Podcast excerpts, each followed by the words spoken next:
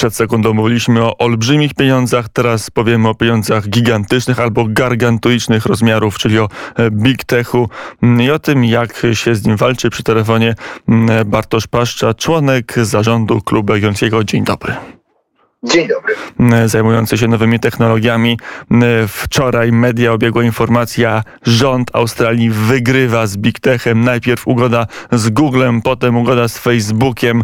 Globalni giganci zapłacą, czy, czy, czy częściowo podzielą się zyskami z wytwórcami treści, także z dziennikarzami. No ale jak się w, wczytać w szczegóły tego, co się wydarzyło w Australii, to chyba to zwycięstwo nie jest tak światłe, a może jest nawet pyrrusowe. Tak, wydaje mi się, że przy każdej regulacji powinniśmy pytać, w czyim interesie to państwo wygrywa.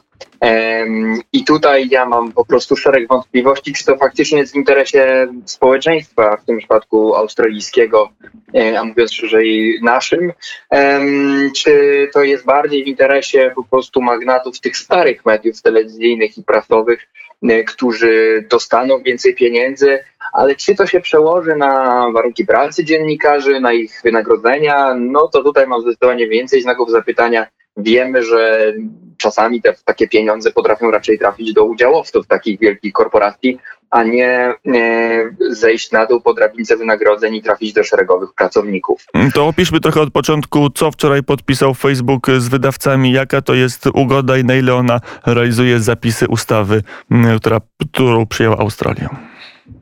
Tak, no Australia y, przyjmuje prawo, które ma właśnie zobowiązać na początek Google i Facebooka, y, czyli wielkie firmy technologiczne, mm, do płacenia twórcom treści, firmom medialnym, y, dziennikarzom, e, według nich za to, że, że fragmenty tych treści są wykorzystywane w różnych portalach. Znaczy, że ja mogę wziąć linka do jakiejś gazety i wrzucić go na Facebooka, że w wyszukiwarce Google mogę odnaleźć treści właśnie w portalu dziennikarskiego.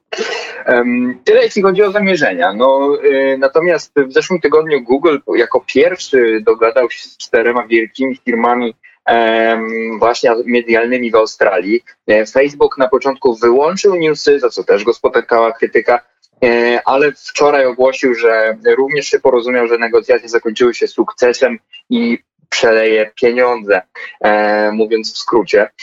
no i to nas, sam fakt, że Google dogadał się tylko z czterema wydawcami, a już minister skarbu że fakt, że on się porozumiał z wydawcami, oznacza, że prawdopodobnie nie będzie musiał e, tak e, szczegółowo przechodzić przez tą całą ścieżkę regulacyjną, że właściwie cel tej regulacji zostaje osiągnięty, e, no to już samo to powinno zapalać nam takie żółte światełko, bo przecież nawet jeśli to bardzo skoncentrowany australijski rynek medialny, no to czterech wydawców to nie są wszystkie media.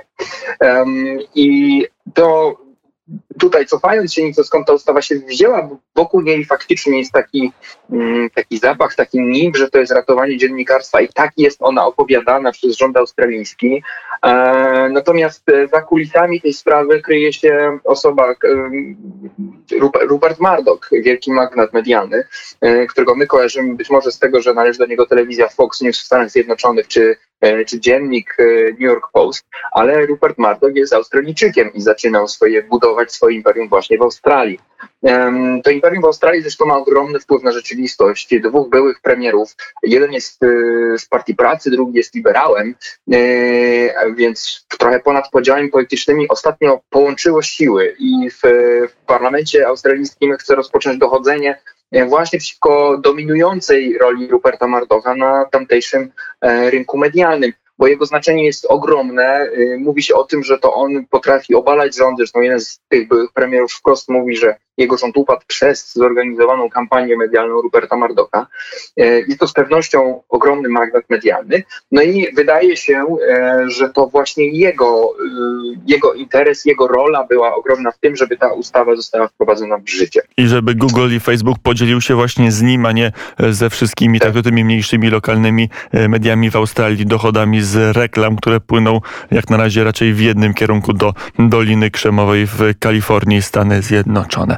jakby ktoś nie wiedział. Dobrze, to jakie są wnioski, czy w ogóle jakiekolwiek wnioski dla Polski można wysnuć, bo chyba problem jest, został przez Australię dobrze zdiagnozowany, ale jak rozumiem, rozwiązanie jest trochę kulawe i pytanie, jakie rozwiązanie powinna przyjąć Unia Europejska, jak nie Unia, to może Polska samodzielnie. Tak, problem jest słuszny. Ja też e, bardzo często zdarza mi się wypunktowywać i krytykować te wielkie firmy technologiczne e, za ich działalność, między innymi za to, jak e, w sprytny sposób, rejestrując się w różnych krajach, są w stanie obniżać realne opodatkowanie swojej działalności.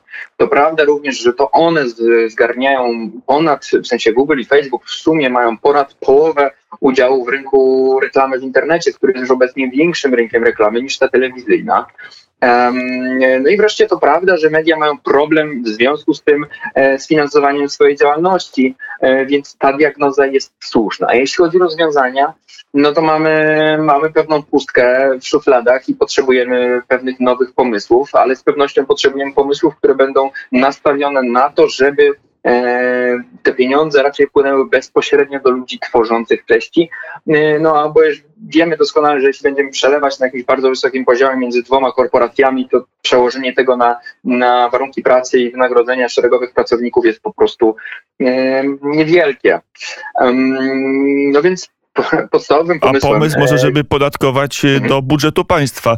Ja wiem, że tak. nasza ustawa podatku od mediów budziła dość spore e, kontrowersje to jest eufemizm, ale tam był rozdział trzeci, który był w miarę powszechnie chwalony. To właśnie było opodatkowanie od reklam cyfrowych e, podatkiem, który by płynął nie do wydawców, tylko do budżetu państwa. Chociaż może na tyle można gigantów zmusić, aby nie korporacje między sobą ustalały przepływy finansowe, ale żeby one poprzez budżet państwa były transferowane do reszty społeczeństwa społeczeństwo?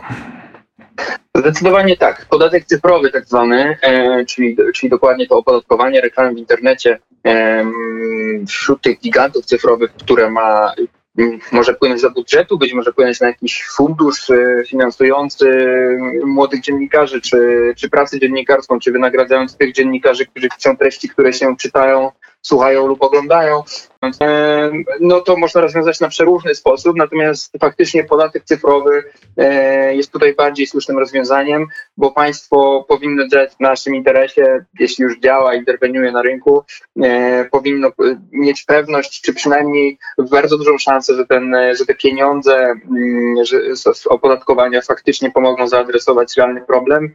No w przypadku tej regulacji australijskiej państwo zostaje właściwie użyte do tego, żeby stać się takim straszakiem dla big techu, e, żeby się dogadał e, z magnatami tych starych mediów. Mm, to chyba nie jest słuszne wykorzystanie. Pytanie zamknięte i proszę o odpowiedź tak, nie. Czy Polska jako kraj ma na tyle dużą siłę, aby zmusić Big Tech do płacenia podatków w Polsce za pomocą ustawy? E, wspólnie w Unii Europejskiej tak. E, powiedział Bartosz Paszcza, Klub Jagielloński, ekspert, który przygląda się rynku nowych technologii, także rynku Big Techu. Dziękuję bardzo za rozmowę. Dziękuję Państwu, miłego dnia.